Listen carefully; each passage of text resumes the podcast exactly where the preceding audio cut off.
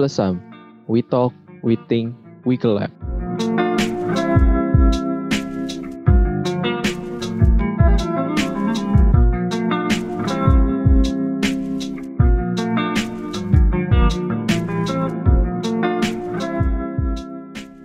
Oke Ham, gimana nih Ham lu udah setengah tahun nih uh, kerja dari rumah tapi lu, lu masih keluyuran, keluyuran kan lu?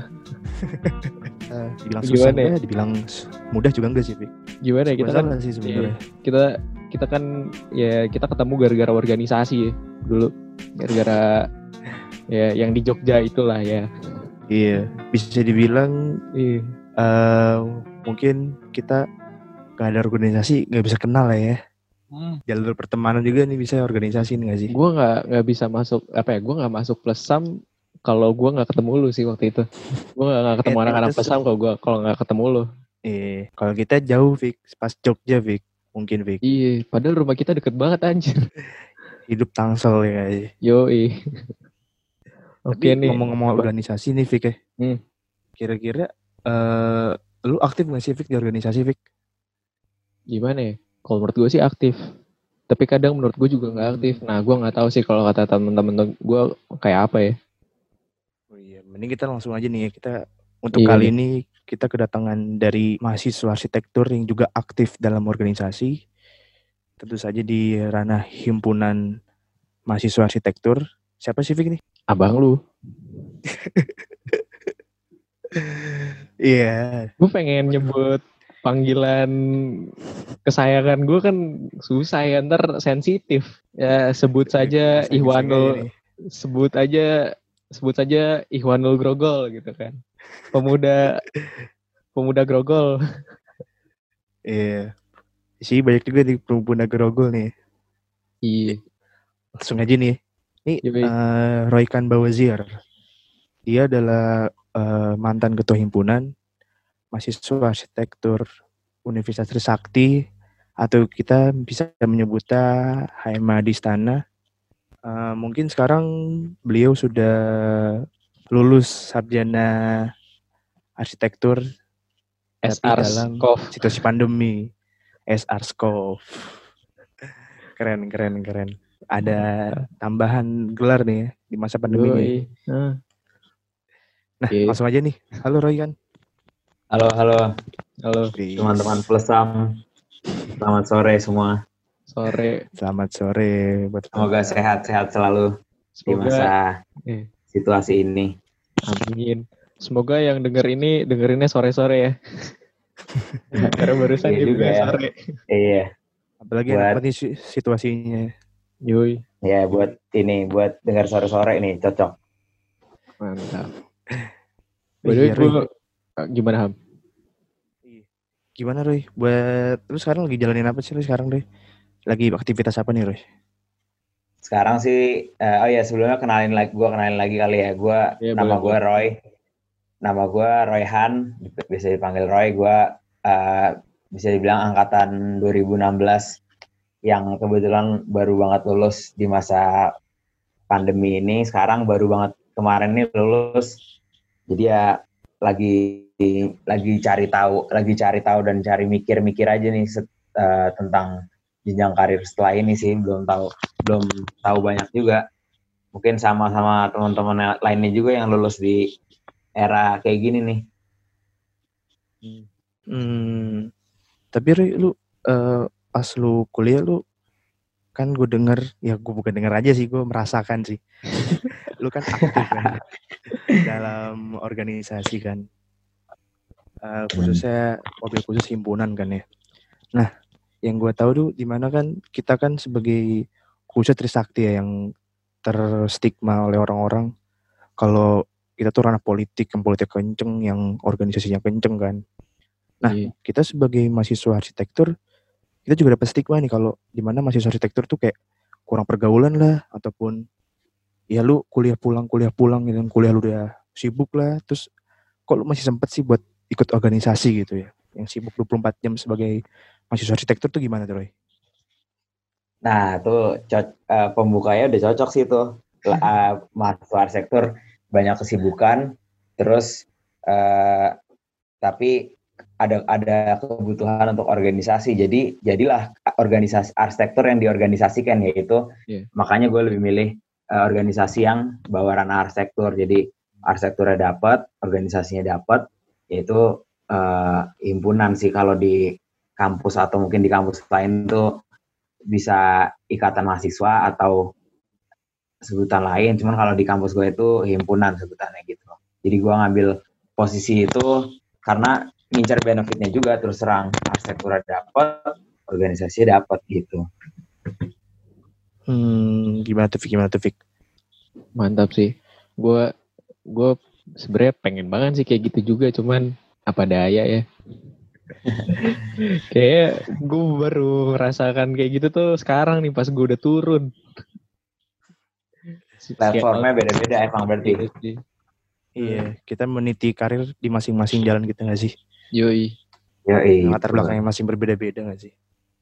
Nah, cuman lu ini gak sih keteteran gak sih? Selama lo mulai masuk himpunan, terus naik jadi ketua himpunan? Kalau misalkan dibilang gak keteteran sih bohong juga sih. Sebenernya pasti ada keteteran. Cuman yeah. keteteran selama kuliah tuh ada. Tapi baru ngeras apa ngerasain benefitnya lebihnya juga ada juga. Jadi emang hmm. uh, ibarat kan kalau dibilang lebih keteteran daripada teman-teman mungkin bisa dibilang. Tapi ternyata lebih untung daripada teman-teman bisa dibilang juga. Jadi uh, susah dulu tapi enak. Untungnya sih ya banyak sih dapat relasi dan segala macamnya. Itu kan pasti ini ya bisa manajemen waktu um, ketemu ketemu arsitek ketemu pihak-pihak tertentu jadi kan itu kan jadi benefit sebenarnya kayak gitu sih justru lebih justru lebih nguntungin di di ke depannya gitu loh daripada sekedar mikir takut keteter. Hmm. Hmm. Yeah.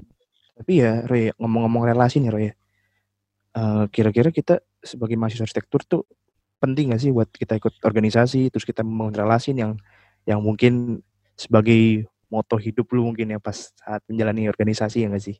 Itu kira-kira penting gak sih mahasiswa arsitektur tuh berorganisasi dan membangun relasi? Hmm, prinsipnya sih mungkin kalau menurut gue ya organisasi itu bukan penting atau enggak. Organisasi itu kebutuhan sebenarnya karena balik lagi manusia tuh eh, nggak uh, bisa nggak bakal bisa hidup sendiri man, namanya manusia. Kita punya organisasi dari dari skala yang terkecil yaitu di rumah kita sama keluarga masing-masing itu kan kita organize juga ya kita sama orang tua sama ini karena kita nggak butuh satu sama lain gitu. Nah sama juga kayak di kampus sama kuliah. Sama juga kita butuh teman-teman buat buat diskusi butuh dosen butuh um, alumni butuh teman-teman lah. Intinya, intinya segala pihak stakeholder di situ tuh kita pasti butuh. Jadi kalau dibilang butuh apa enggak gue sih bisa bilang itu kebutuhan sebenarnya. Nah wadahnya wadahnya yang gue tingkatin lagi itu adalah uh, organisasi kemahasiswaannya yang gue bilang itu himpunan. Dan itu pasti kalau di, lo uh, ditanya relasinya wah banyak banget sih di situ. Benar-benar penting banget karena uh, prinsipnya kayak kayak gue yakin banget namanya arsitek-arsitek yang berhasil juga dia pasti juga menggunakan re relasinya atau memanfaatkan relasinya atau berhasil karena punya banyak relasi atas karya-karyanya. Gue yakin banget sih kayak gitu. Karena kan balik lagi namanya arsitek kan nggak bisa nggak yang namanya pasang iklan atau promosi atau apa kan dia pasti karena kenal karena dikenal bagus karyanya dan segala macam jadi uh, menurut gua di situ tuh manfaatnya relasi uh, korelasinya sama jadi arsitek dan jadi mahasiswa sih. Hmm. Nah, uh, ini masih ngomong tentang relasi. Sebenarnya dulu relasi seperti apa sih yang yang lu coba lu pakai yang mungkin teman-teman sekarang nih yang baru mau mulai masuk ke himpunan yang mungkin bisa dicoba paling gampang tuh apa? um, kalau teman-teman kampus ya paling menurut gue paling gampang sih sama sesama teman sama teman di kalian dulu di internal kampus yang kedua bisa sesama perlu juga perlu banget sih malah sesama teman-teman di uh, jurusan arsitektur di kampus lain gitu di Indonesia dulu aja maksudnya atau di um, domisili masing-masing gitu misalkan karena untuk tahu um, situasi kampus kan pasti beda-beda. Sumpah itu itu guna banget sih kayak misalkan studio kalian lagi ngerjain apa, ini lagi ngerjain apa, um, lagi ada event apa dan segala macem. Dan yang penting kalau misalkan ditanya cara dapetin relasinya, wah sekarang udah baik banget.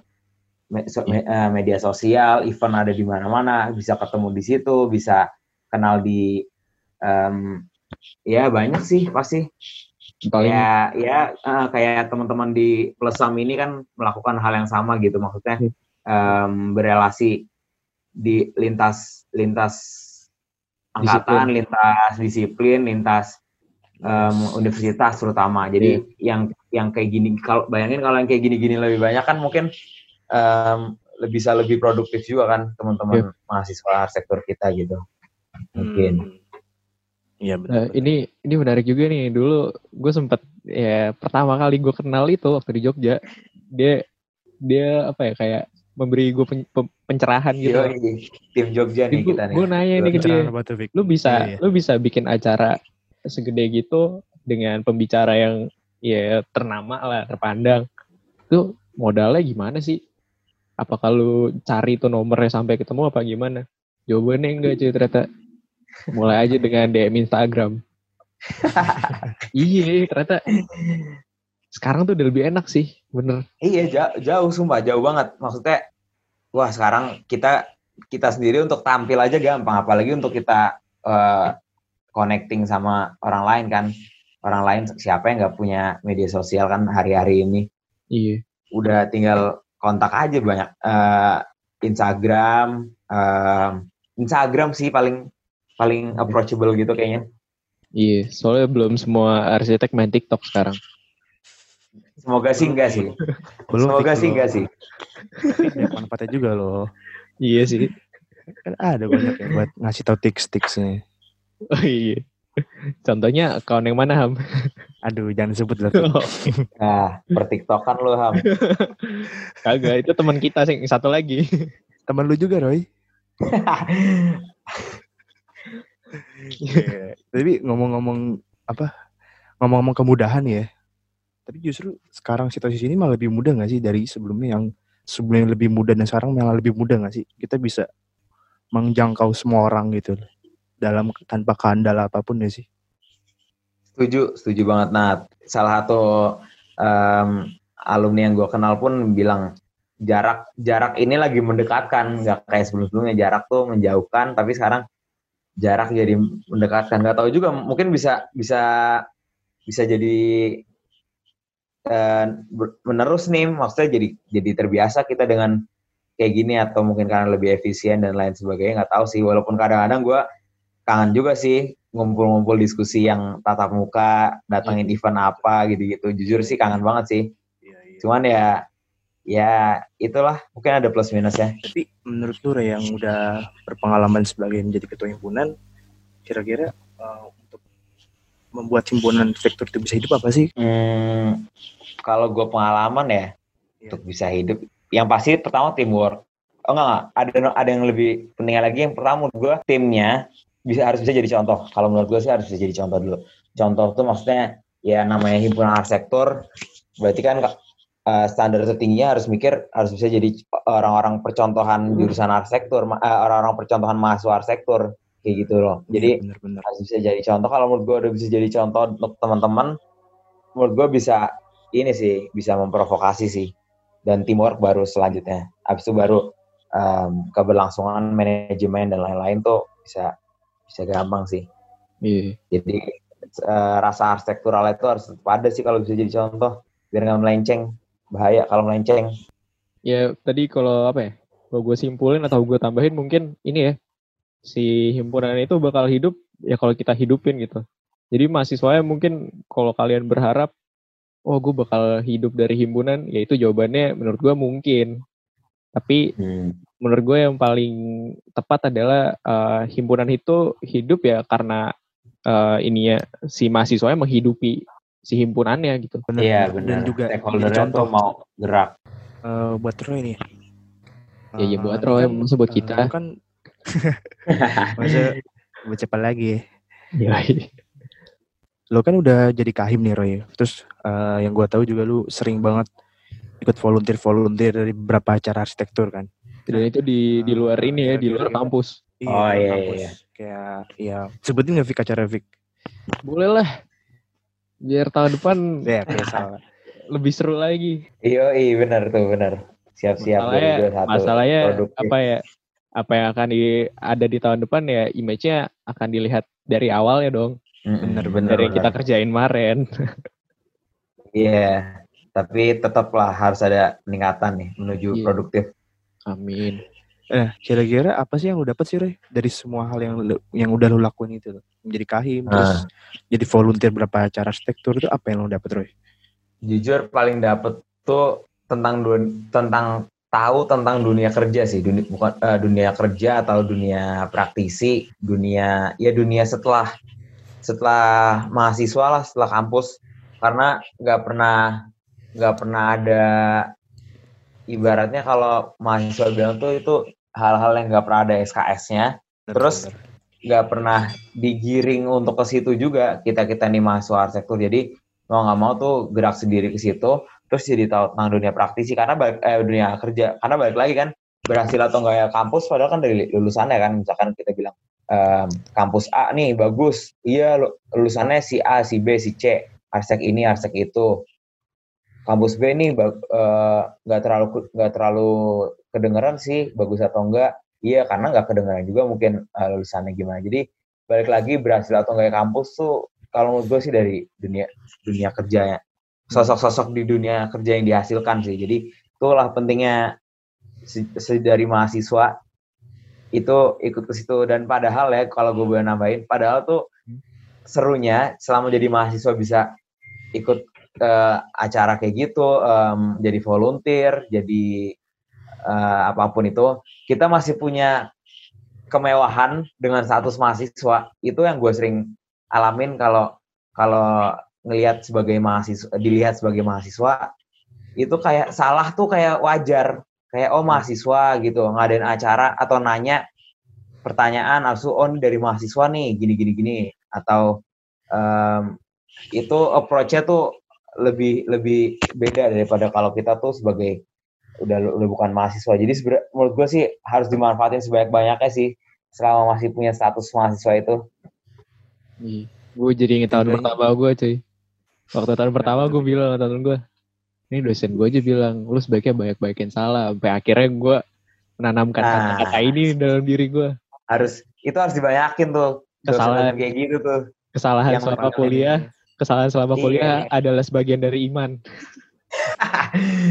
itu masuk tuh masuk masuk Empat tahun, empat tahun tuh salah ya, seenggaknya manfaatin. iya bet- setuju salah sebanyak banyaknya mumpung masih punya status itu ya nggak sih Itu lu volunteer tuh dulu ikut apa aja sih biar eh, yang dengerin tuh bisa tahu lah seberapa pengaruhnya Spill, lu spill, ke, spill, ke lu.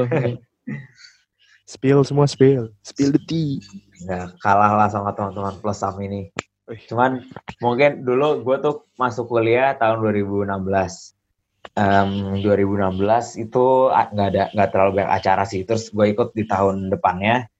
Di akhir tahun di akhir tahun 2000 2017 itu kalau yang pertama gue gituin itu pameran titik awal. Itu yang ngadain Omah Library. Rilri Syarif. Jadi dia ngadain pameran tugas akhirnya. Em, para arsitek-arsitek. Dan gue bantu eh, volunteer eh, bantu-bantu di studionya dan segala macam. Akhirnya kan walaupun niat datang ke Omah Library itu bantu bikin pameran atau apa, tapi kan bisa lihat-lihat aktivitas kan- kantornya, bisa nanya-nanya tentang apa, bisa ngelihat ini, ngeliat itu gitu. Nah itu di situ. Terus em, tahun 2017 akhir itu, terus tahun 2018, 2018 tuh em, vakum sih, gue fokus di kampus, fokus di himpunan. Habis itu tahun 2019 akhir, gue partisipasi jadi em, koordinator eventnya Bintaro Design District 2019 waktu itu. Jadi Hmm. BDD yang kedua itu bolak-balik dah itu cu- cukup cukup melelahkan tuh dulu tuh bolak-balik Bintaro terus eh, ngatur-ngatur instalasi ke kantornya si ini, kantornya si itu, gitu-gitu. Terus terakhir, terakhir tuh, nah bareng sama salah satu di sini nih, Mbak. Yoi. Jadi, jadi, jadi bantu kurator untuk em, materi instalasi mahasiswa di pamer, pameran RCID. Yoi. Itu Hari yang pertama. 2020 ya. Harga 20, ya. Yang pertama diadakan RKID 20, 2020. Yang pertama itu waktu itu gue ditugasin sama Mas Dani dan juga lu Fik Yoi. untuk Ditodong kita, sialan. koordinir, koordinir. Kami Ham bukan kami berarti kami Ham. Yoi. Aduh, ngomong-ngomong kami sama kita, aduh. Jadi gitu, itu yang terakhir sih kemarin eh, bantu itu. Yang yang kalau bisa dibilang em, plus plus minusnya untung atau paling ininya sih banyak sih. Cuman yang em, yang kemarin tuh yang pas RCID tuh paling ngikutin prosesnya sih karena emang em, posisinya juga langsung bantu kurator. Jadi ikut meetingnya, ikut koordinasi sama em, pihak apa ya sebutannya ya? Mungkin pihak IO-nya kali ya Iya, iya. pihak IO-nya kali ya Fik ya Iya, iya. nyebutnya. Jadi Sampai pihak IO-nya sampai acara selesai gitu. Jadi Yoi. seru juga tuh di situ tuh. Eh, itu Prospek tuh bilang tuh teman-teman tuh yang mau ikut-ikut lagi di tahun 2021 ya Oh, Fik iya. udah disusun. Iya. Kurator aja udah ada tuh tiga orang. Yo, kita Yoi. akan ada di sana atau enggak ya kita belum tahu. Iya betul. Investasi, investasi. Iya salah satu adanya. Da- jadi mungkin sekarang eh, kayak Plus ini kan juga teman-teman dari eh, volunteer juga kan volun- volunteer pameran perihal Andra Matin. Jadi em, mungkin bisa bisa nggak bisa nggak bisa dipungkiri lagi sih yang kayak gitu-gitu tuh sekarang lagi produktif. Jadi em, wadahnya lagi banyak sih dan semoga kalau menurut gue sih semoga makin banyak itu aja. Sebagai lu pemimpin dulu ketika lu menjadi ketua himpunan, eh, lu pernah nggak sih Ri, dikritik dan gimana sih caranya lu menanggapi kritik tersebut itu? Ini dalam konteks ini ya organisasi atau Iya. Kita balik lagi ke ya. organisasi Oh nih. gitu. langkah Iya. apa ya kebijakan lu dikritik sama dosen atau sama eh, alumni lu mungkin Iya. Hmm. itu kayak gimana tuh? Dulu pernah sih beberapa kali malah nggak nggak jarang sih justru justru pertama eh, kalau menurut gue sih mindsetnya dulu tentang gimana menyikapi kritik ya kritik tuh jangan mungkin kayak jangan dilihat sebagai em, apa bahasanya kayak tuduhan atau diejek atau apa tapi menurut gue orang yang pemimpin yang eh, atau organisasi yang sering dikritik, pemerintahan yang sering dikritik, dia justru lebih kayak apa ya? Kayak lebih berhati-hati sih dalam dalam bergerak, justru justru lebih aware, justru bikin dia jadi lebih peka, lebih peka sih terutama. Jadi pertama mindset kita tuh ja- eh, jangan mikir menghindari kritik, tapi justru mencari kritik, butuh kritik. Jangan sampai justru nunggunya dipuji, dipuji, justru bahaya sebenarnya dipuji terus itu nggak dapat sudut pandang lain. Jadi ya dulu eh, pernah sih kayak gitu. Kalau misalkan gue gue jabarin satu-satu studi eh, kasusnya baik banget, terus terang aja gak bakal kelar nih. Jadi eh, ya gitu responnya yang yang pasti kalau emang salah ya biasalah sebagai man- eh, manusia dibagi di dalam satu institusi. Namanya apalagi mahasiswa lagi kan yang tadi kita bilang juga salah itu perlu diperbanyak. Ya yang pasti mengakui kesalahan minta maaf dan itu bertanggung jawab atas itu gitu. Dan yang dan yang paling penting ya harus ada langsung solusi. Solusi atas pertanggung jawabannya. Jadi melatih mikirnya gitu sih. Iya. Bener-bener. Justru kalau orang kritik kita itu, justru mereka peduli gak sih sama kita kan? nah mbak itu juga masuk tuh kritik tanda kepedulian kan sering tuh eh, kita dengar Jadi kayak inilah ya, sebenarnya apa ya? Salah satu kunci untuk kita bisa nerima kritikan tuh kita harus nanemin juga dalam diri kalau kita akan dikritik, kita harus siapin mental untuk nggak baper dulu gitu.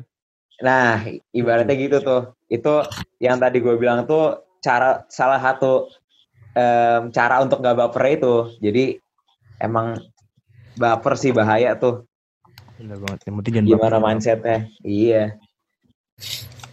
Mindsetnya tuh di situ tuh. Tapi ini ya, Roy, eh, kita balik lagi ke sebagai mahasiswa yang memiliki keresahan ya Roy ya. Eh, kira-kira apa sih yang membuat lu resah gitu Roy dengan perkembangan mahasiswa arsitektur di Indonesia gitu?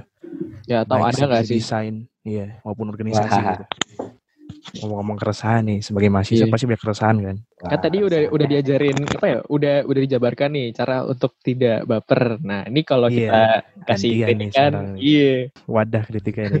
Kira-kira kritikan apa? ternyata ternyata pertanyaan tadi buat mancing yang ini dan bisanya nih Eh apa ya kalau buat kayaknya tuh sekarang mungkin zamannya informasi udah banyak banget kali ya informasi udah banyak banget platform untuk untuk mahasiswa arsitektur tampil itu juga udah banyak banget menunjukin diri em, tampil em, nunjukin karyanya dan segala macam udah banyak dan dan informasinya juga udah banyak. Kayak kalau bisa dibilang tuh kalau gue bandingin sama gue baca-baca sama 20 tahun lalu itu sekarang tuh kayak udah jauh lebih jauh lebih enak sebenarnya sebenarnya. Tapi di satu hal gue gue jadi ngerasa kayak nggak kayak nggak punya kayak nggak ada apa ya kayak nggak ada jadi nggak ada masalah bareng kayak jadi nggak ada keresahan bersama gitu kayak nah keresahan itu yang menurut gue jadi mempersatukan. Jadi kalau ditanya keresahan gue apa kayaknya kurang kurang komunikasi sih.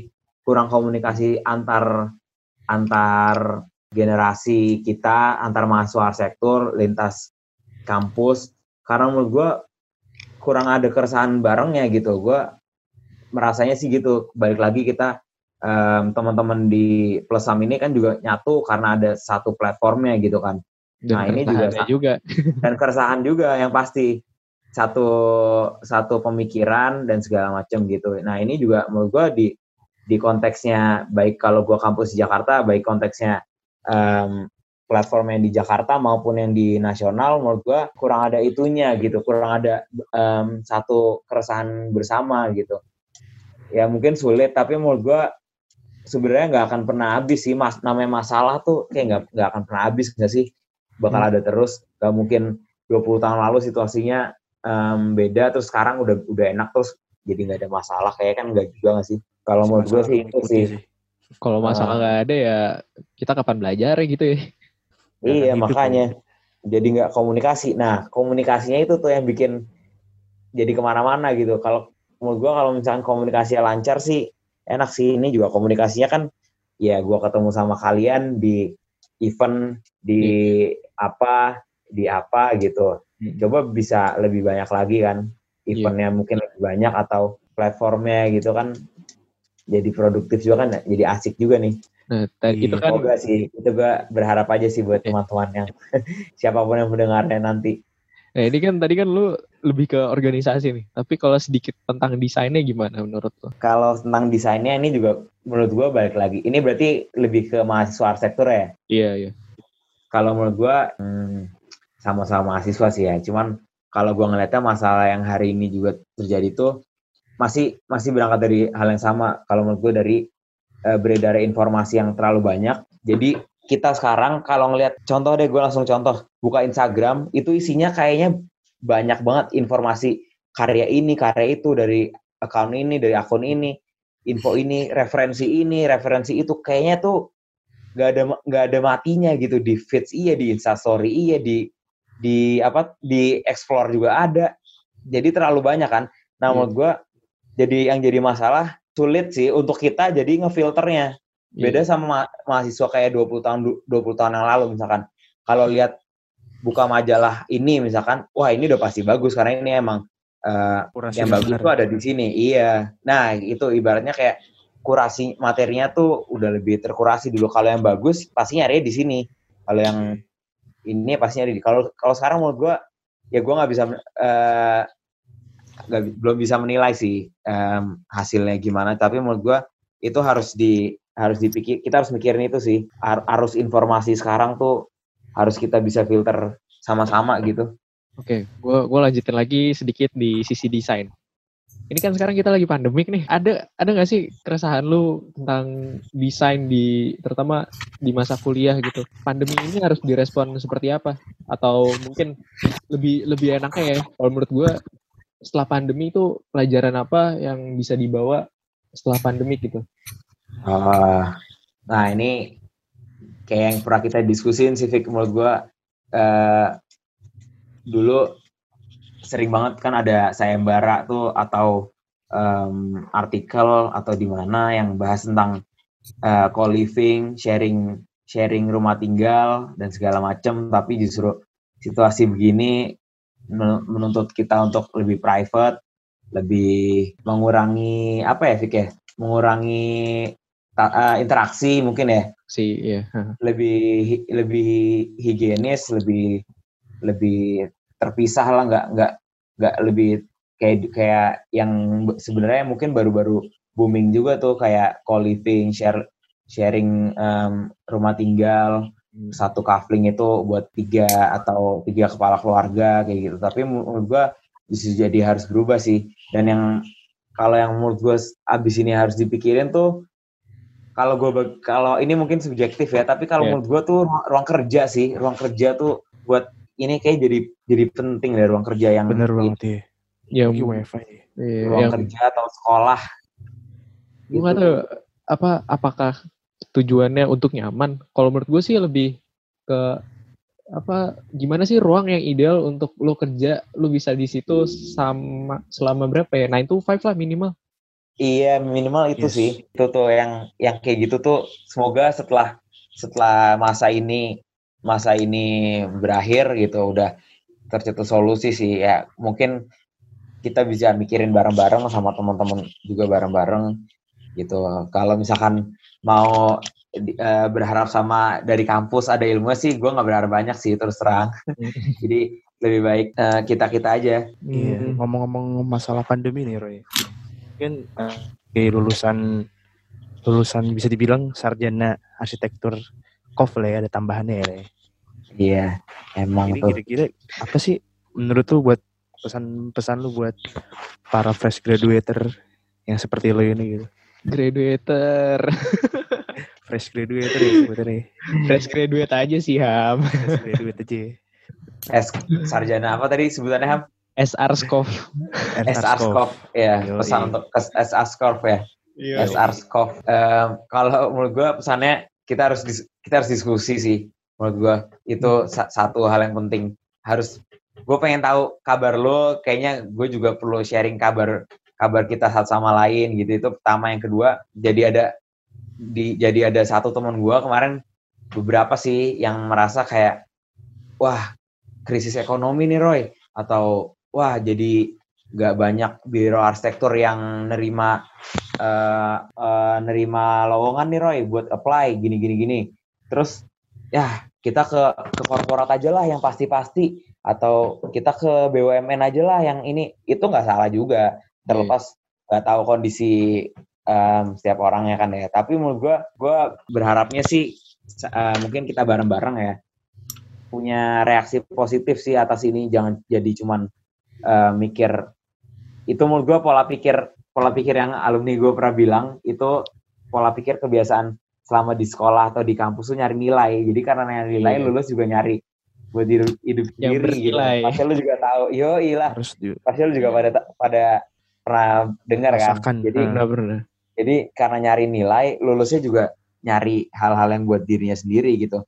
Tapi menurut gua gua berharap sih kita ketemu gitu, kita diskusi maksudnya kita nyatuin pemikiran untuk uh, justru ngasih justru bikin reaksi positif sih atas ini. Kita ngerumusin apa nge ini apa. Padahal salah satu yang menurut gue jadi produktif itu di masa pandemi gini itu ngeriset menurut gue ya. Jadi yeah. dulu gue pernah baca juga pas 98 ekonomi juga lagi susah proyek juga nggak banyak di, di ini. Semoga gue nggak salah nggak salah yeah.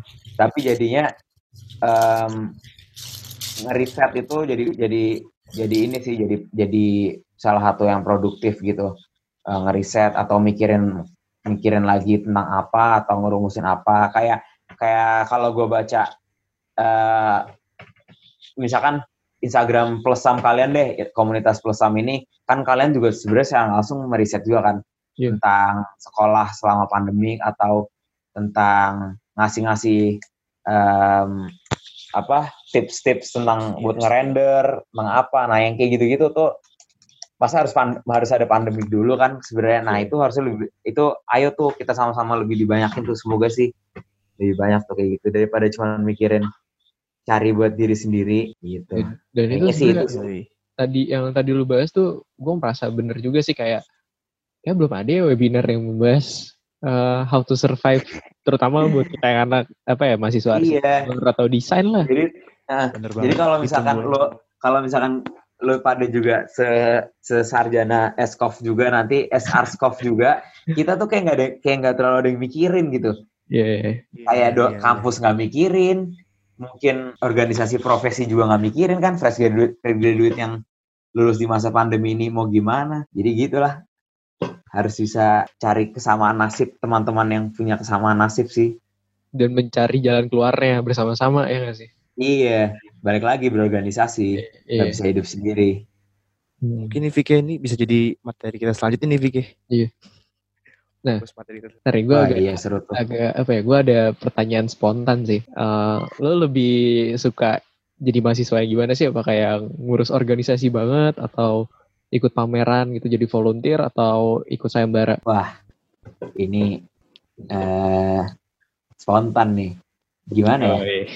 gue emang emang rada tertarik ini sih rada tertarik untuk em, pertama sebenarnya kalau kalau saya bara itu mau nggak mau karena itu em, salah satu-satunya cara kalau menurut gue ya kalau di di gue sih bukan ini salah satu cara buat gue nimba ilmu di luar dari dari studio gitu. Dari Iya, tugas dari studio kalau menurut gue ya. Karena ya gue juga nggak baik lagi selama yang gue dapet ini gue nggak terlalu eh, banyak gue juga cukup banyak dapetin dari luar nggak cuma dari kampus. Jadi eh, nggak jangan cuma ngandelin dari kampus gitu misalkan. Jadi sayembara tuh itu karena kebutuhan. Kalau misalkan mungkin yang sering-sering ikut pameran atau sama organisasi kalau gue sih kalau ditanya gitu gue lebih seru organisasi sih kayaknya ya balik lagi ke minat masing-masing cuman nggak tahu udah minat aja gue di situ Fik. Iya. Iya, kelihatan. Ditunggu ya. Terus selanjutnya ya. ditunggu ditunggu Ya sebenarnya itu juga apa ya? Kalau pertanyaan untuk semua orang ya itu kebebasan sih. Nggak ada yang Hmm. salah. Nggak ada yang salah. iya betul Eh, semua setuju. semua bisa semua bisa bener gitu. Tapi semua kalau salah ya referensi masing-masing lah ya. Ah, sudut pandangnya aja ya Jalaninnya kan nggak nggak full, Iya. nggak fokus. yang penting jangan buat sendiri ya nggak Fik? jangan hidup buat sendiri yang penting ditunggu makanya nih ditunggu Tapi apa ya? eh, dikit lagi nih tentang kalau sayembara ya gue sebenarnya a- su- apa ya sempet eh, ada di masa tuh kayak gue bosen banget liatin Instagram tuh tiap hari isinya hasil sayembara orang-orang gitu kan. Ya terutama teman-teman gue lah. Tapi kalau gue waktu itu diskusi sama kakak gue ya sebenarnya eh, ya nggak salah gitu. Karena eh, salah satu yang dilihat gitu maksudnya exposure dari seorang mahasiswa arsitektur ya kadang ya karyanya Ah, gitu. ah. ketika kita mau masuk kerja di satu biro atau korporat ya yang pertama dilihat kan memang karya-karyanya gitu. Iya bener sih itu setuju sih walaupun gua em, belum pernah merasakan eh, dunia kerja secara langsung ya pasti kan Iya. logikanya kan pasti sayembara keikutsertaan mahasiswa arsitektur di sayembara tuh wujud kalau si mahasiswa itu tuh mau bela- mau belajar lebih Iya. daripada apa yang dia dap- dapat di kampus jadi bisa dilihat oh ada semangat lebih di sini gitu Nah, jadi kayak kayak apalagi kalau ngeliat karya-karya yang menang kan gua kadang kayak wah dia menang nih bagus juga ya gua Iya. kalah lagi atau atau ah gua nggak ikut lagi kalau tau gue ikut kayak gitu kan kan suka suka kayak gitu tuh Iya. emang penyesalan datang Pasti. belakangan sih Yoi. cuman ya itu udah udah kayak jadi porosnya mahasiswa arsitektur nggak sih iya iya sih menurut gue iya Berkarya. berkarya ya bener daripada daripada lihat Instagram isinya nggak penting kan Hmm. konspirasi atau apa pun tapi karya sayembara mungkin kalau apa ya kalau misalkan menurut gue nih ya buat yang denger kalau misalkan kalian kurang sama sayembara gitu kurang suka mungkin kalian bisa nyoba ini sih. Gue pernah ngobrol sama seorang desainer. Lalu kalau nggak suka sayembara ya mungkin bisa coba buat proyek fiktif. Oh iya iya iya. Eksplorasi minimal apa ya Ah, lu lu merasakan ketidakenakan di rumah lu. Kalau rumah lu mau lu rubah akan kayak apa gitu. Nah itu cocok tuh bisa jadi salah satu apa ya salah satu pergerakan di masa pandemi gini. Maksudnya uh, justru kita jadi mikirin lagi satu hal atau ngeriset apa atau ngasih solusi desain buat buat siapa buat diri sendiri atau buat kota atau buat siapa.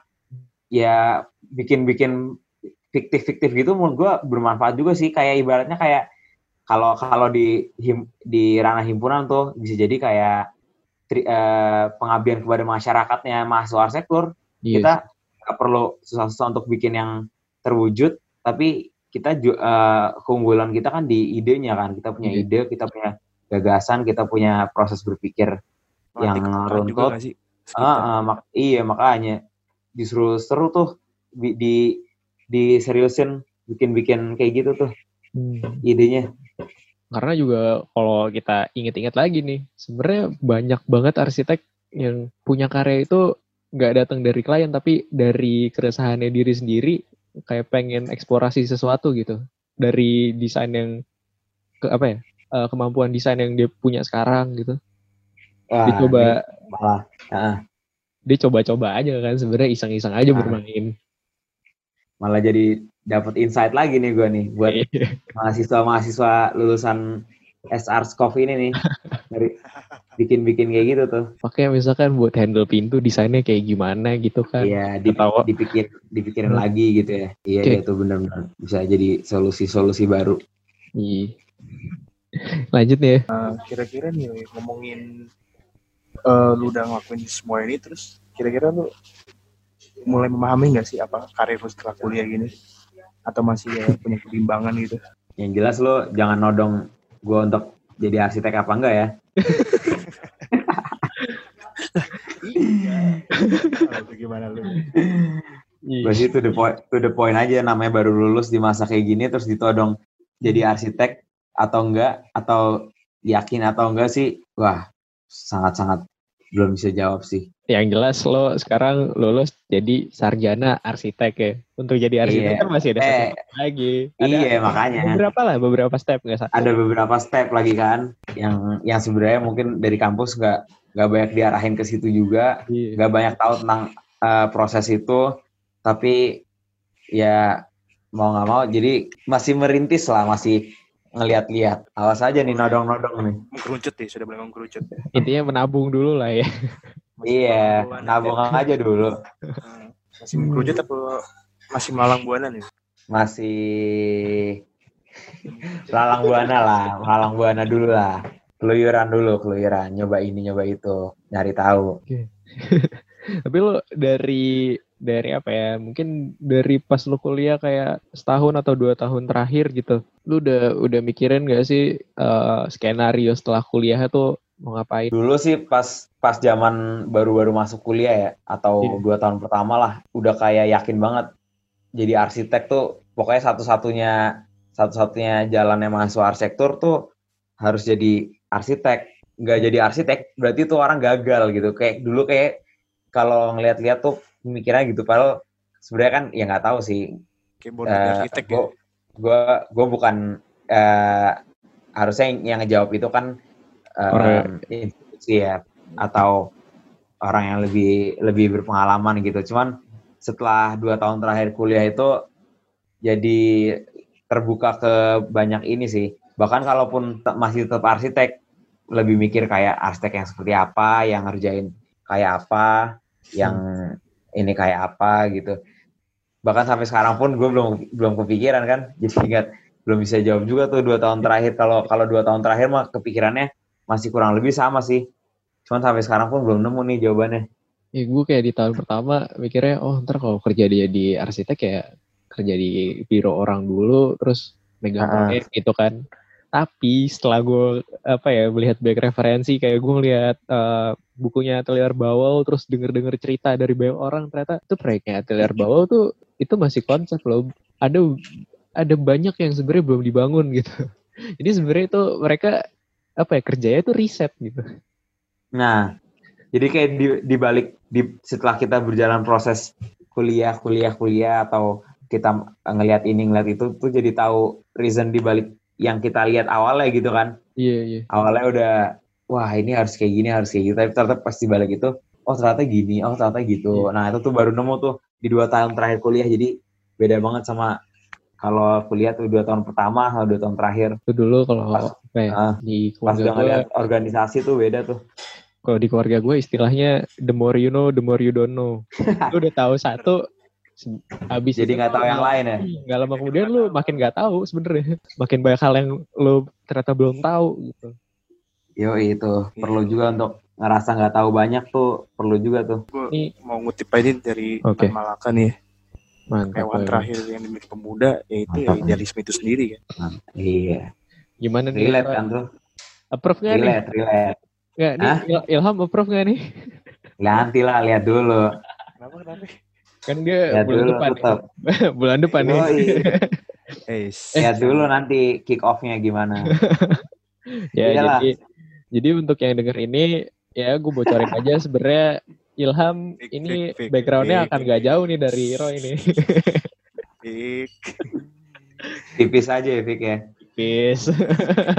Eh, ya kampanye kan boleh lu WhatsApp. Platformnya banyak Ham sekarang Ham. Justru ini platform netral gue di sini. Gue pengen, tetap netral, gue pengen tetap ah. Pengen netral tapi tim ses lu di sini. Aduh. Mantep nih Fikra nih. By the way, di sini ada teman kita juga yang dari Pesam, ada Albi, ada Kiki. Kira-kira kalian mau nanya apa nih buat Roy? Iya. Assalamualaikum. Waalaikumsalam. Waalaikumsalam. Lo dimarahin bapak gak nih? Ini udah sholat, Roy. Masih sore ini masih jam 5. Gue kasih waktu lo sholat dulu nih kalau lo dimarahin. Langsung gue tanya nih ya. Yoi. Bingung sih gue nih nanya di akhir. Udah semua ya. Nanya apa? Asmara gitu mungkin. Mas Roy mau ditanya. Mas Roy maunya ditanya apa nih? Anjir lu Bi. Udah Bi. Udah, Lu lo mau balik lu. lo maunya ditanya apa? Gue tanya. Udah cukup tadi. Lu nggak nggak nggak pakai ini sih lu nggak ngasih kisi-kisi lu nggak kayak Fikra sama Ilham ngasih kisi-kisi gua bi. Gue gue general aja kali nanyanya. ya. Tapi kayak udah Boleh. nih. Kayak lo kerugian sama keresahan lu tuh ada gak sih Roy? Waktu lo ikut organisasi kayak gitu Roy? Lebih Sama kerugi ikut. kali ya. Lebih kerugi Iya. kali ya. Kalau keresahan mah tadi dia back bener. Ya, rugi. Tiba-tiba Kerugian banyak. lu. Ada gak lu rugi kayak Ragu lu kan nih. ikut volunteer ikut itu lu merasa ada yang rugi gak sih kayak gitu? Hmm, rugi ya. Rugi tuh Kreatif gitu sih. kalau kalau dibilang rugi tuh pasti waktu sih waktu eh, nggak bisa dipungkiri sih kalau kayak kayak ada teman-teman yang ini eh, lebih punya waktu banyak untuk apa gitu untuk main untuk eh, lebih banyak kegiatan lain ya itu pasti kepotong. Tapi kan kepotongnya untuk untuk eh, ikut-ikut yang yang ngebantu juga kan. Jadi sebenarnya dibilang rugi sih eh, rugi sesaat. Yang tadi gue bilang sih rugi sesaat. Saat itu mungkin ada yang dirugikan kan teman-teman. Misalkan mau kayak dulu nih RKID nih misalkan. Atau BDD mau ujian tuh. Nah tapi mau nggak mau acaranya ingat gak lu Fik? Ingat lah gue. Oh, mau lu UTS lagi. Ih, ya kan? Ya itu salah itu sebenarnya rugi pasti ru- rugi. Mau mau ujian tapi harus ngurusin ini ngurusin itu yang nggak ada hubungan sama kampus. Mungkin ya kalau misalkan impactnya jadi nilainya jelek atau nggak ada nilainya atau gimana ya ya udah ya udah sih saat doang kan saat itu yang penting kan impactnya gitu tuh rugi tuh nah itu tuh bagi para pemburu nilai pasti sudut pandangnya beda iya. makanya pemburu nilai itu harus dibasmi itu Berarti eh, jangan dibagi juga. ya tergantung enggak sorry sorry enggak di Salah. Iya. tergantung tergantung ke mananya sih tergantung kebutuhan sih. Kalau misalkan eh ininya tergantung orang masing-masing sih benar-benar. Berarti misalnya ada orang yang pengen kayak lu gitu Roy. Berarti menurut lu tuh kalau lu udah ngelakuin kayak organisasi sama volunteer gitu prioritas lu tuh lebih ke situ ya daripada ke dalam. iya sih bisa dibilang sih gitu. Daripada akademis sih iya. Jelas kalau dibanding akademis. Tuh Ham, Terus? Insight buat lu Ham. Iyalah am- akademis masih bisa nanti setelah lulus juga masih bakal belajar lagi. Tujuan lu tujuan lu kayak gitu tuh apa Roy? Sela- selain belajar di luar gitu ya kayak gue punya tujuan yang kayak gue tuh pengen kayak ada goal gitu nggak sih? Lu gue tuh pengen kayak gini gue pengen kayak gini. Kayak gitu ada gak selain Nah. lu belajar di luar kampus ya kayak kan kalau belajar di luar kampus tuh kayak benefitnya gitu loh tapi kayak tujuan lu dapet itu semua tuh apa gitu sih? Benefit pribadi kali ya Mm-mm. kalau benefit pribadi sih tadi kalau misalkan kita nih buat misalkan buat orang-orang nih contoh deh yang hidupnya eh, kuliah untuk nilai nilai untuk bisa kerja kerja untuk bisa dapat uang uang untuk bisa dan se- seterusnya deh sebenarnya pemikiran nilainya itu kalau menurut gue di mahasiswa arsitektur itu harus di- harus diganti sih dengan dengan misalkan skill Atau- punya relasi Atau yang kayak gitu-gitu atau nilai itu sebenarnya mesti diredefinisi ulang kali ya kayak Iya, mungkin gitu ya. kita Nggak maksud dalam bentuk angka nilai- mungkin. ya maksudnya ya nilai mungkin bisa angka tapi eh, apa ya nilai itu tidak sebatas nilai akademik. Iya, benar-benar. Itu itu maksudnya. Jadi setuju. Jadi eh, yang dikejar tuh oke nilai, tapi nilai nggak nggak nggak nggak sekedar yang dari dosen gitu ya, Vic. Itu oke tapi bukan segalanya gitu. Nah, dari situ sebenarnya approach-nya tuh menurut gue sih dari situ sih benefit benefitnya. Iya sih, gue gue ngelihat orang kayak lu juga kayaknya nggak nggak perlu nilai sih. Iya sih. Klasik. Per, ya buat lulus lah, buat lulus. Buat lulus lah, perlu lah. Lu Apa ya? Iya, Lu tau gak sih tipe-tipe orang nanti. organisasi tapi yang kuliahnya hancur. ya, maksudnya Nah, gua bi Ta- tapi lu nggak kayak gitu, Roy. Maksud gue. Maksudnya orang kayak lu tuh tanpa nilai maksud gue bisa-bisa aja gitu survive nantinya ya nggak sih? Nilainya Banyak nilai apa nih? Nilai angka berarti. akademis, iya. Oh iya, nilai nilai angka nih biar gak salah paham nih. Terus kalau misalkan nambahin apa untung keuntungan benefit-benefit untuk individu juga ya barangkali ada yang butuh tuh kayak dapat sertifikat, dapat em, kalau yang terlihat ya mungkin keuntungan-keuntungan yang yang secara fisik tuh ada. Iya. sertifikat misalkan atau beasiswa atau apa. Tapi kan itu mungkin eh, lain hal sama yang nggak terlihat dapat relasi. Misalkan mau jadi ngurus himpunan nih mau bikin program kerja em, talk show misalkan atau seminar hubungin arsiteknya. Dari hubungin arsitek aja jadi bisa kenal kayak gitu. Betul banget tuh. Eh, balik lagi nih, yang balik lagi nih ke yang tadi Roy belum kejawab. Tujuan lu, tujuan lu kayak gini tuh apa sih? Buset. Maksud gua kayak lu jadi himpunan, punya banyak relasi. Ah, terus ada gosipnya lu ngikutin Ridwan Kamil gitu ya, pengen jadi himpunan terus jadi- kagak lu gila lu Gue menarik tuh, Bi. Iya, maksudnya Gila, tujuan lu tuh ada gak sih? Ada tujuan terselubung gitu gak sih sebenarnya? Nah, belum belum belum ini sih. Kalau kalau misalkan tujuan jangka panjang mah belum ada bi. Kalau misalkan tujuan jangka pendek mah dulu ya ngebenerin kampus sih, ngebenerin teman-teman, bantuin teman-teman, eh Kampus sama teman-teman lu rusak. benerin kagak bantuin hal-hal yang belum belum sempurna atau bikin jadi lebih baik. Oh, Kan kan namanya ngurus himpunan tuh bawa hidup banyak orang kan. Jadi perlu dipikirin serius tuh kayak gitu. Kan kalau misalkan keuntungan bermanfaat buat orang bisa kita bilang keuntungan ya jadi jadi untung juga kan. Hmm. setuju sih gue. Tapi ya gue gue suka sih orang yang bisa ngelihat apa anggapannya kasarnya rusak kayak berarti lu punya keresahan gitu gak sih? Iya. Iya, makanya itu. Perlu Gua tuh banyak keresahan. Gue tuh takutnya sama apa ya sama orang tuh yang udah nggak resah lagi gitu loh kayak dia tuh nggak tahu kok yang dia lakuin tuh kadang organisasi yang dilakuin semua sistem yang dilakuin tuh salah dia nggak tahu jadi dia nggak resah sama sekali tuh menurut gue aneh gak sih harus selalu Iya, ada semoga orang orang kayak lu tuh harus selalu ada sih. Ya nggak kayak gue juga, kayak banyak orang kok. Iya. Yang lebih Tapi- dahulu. gue mau wakilin wakilin Ilham tapi kayaknya Ilham belum mikirin sih. Mas, Cuma- saya- Apa tuh? Jadi, waktu lu kayak jadi kahim terus lu kan aktivitas lu tuh di luar tuh juga banyak gitu kan. Lu kan pasti pernah dong jenuh. Terus kan tadi lu bilang jangan baper, pasti lu juga pernah baper kan, Roy? Terus, Jenuh baper pernah gak? oh wajar itu Nah, dalam keseharian. nah yang lu lakuin saat lu jenuh baper nih apa nih? Gue pengen tahu nih buat buat Ilham gitu sih karena Ilham menurut gue lebih rentan jenuh dan baper sih daripada lu. Iya, Bi. Uh, Emang iya, Bi. lanjut, lanjut, lanjut, lanjut. Ini ya, Bi. Bi- Biar dipersiapkan ya, Bi. iya ini.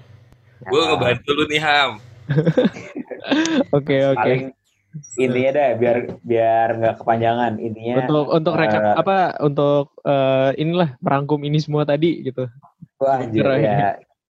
Rangkumnya yang penting eh, itu hal kayak gitu sih pasti ada sih. Cuman pikirin tujuan hidup arsitek lagi sih. Tujuan hidup arsitek itu kan bukan dapat proyek sebenarnya. Tapi mewujudin eh, ruang hidup atau lingkungan hidup yang yang baik yang bagus lah yang lebih baik.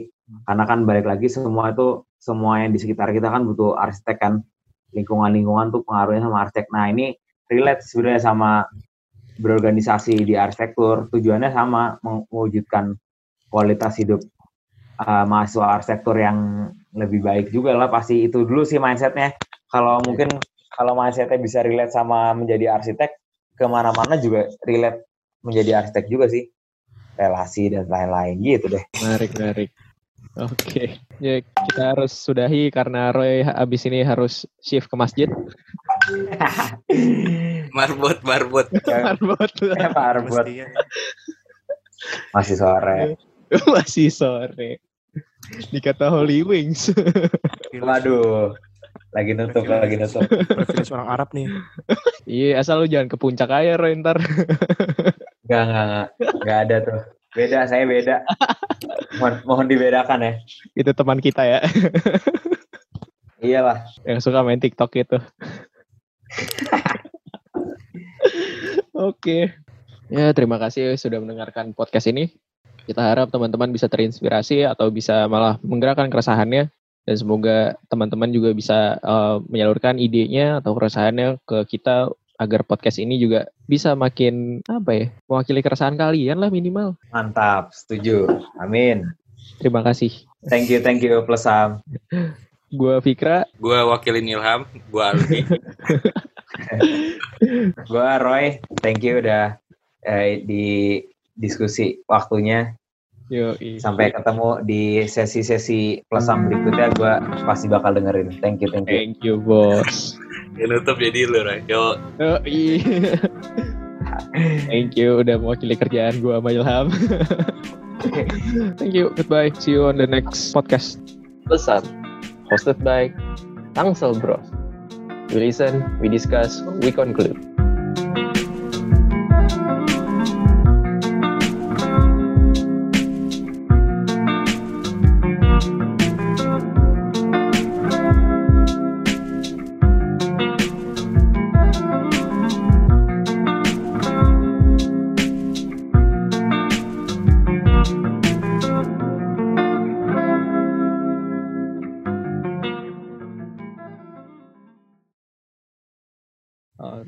Kita harap teman-teman bisa terinspirasi atau malah bisa apa ya menggerakkan keresahannya juga? Bisa bisa menambahkan ide-ide berikutnya untuk podcast berikutnya mungkin biar kita nggak nggak bingung juga mau bikin apa. Apalagi Ham Makasih juga buat siapa Ham kan waktunya. eh putus lu barusan. Putus lu barusan. ulang Ham terima Yo. kasih apa? Ham reconnecting. Ham Elah, Makasih. Makasih buat dengerin lah sampai akhir.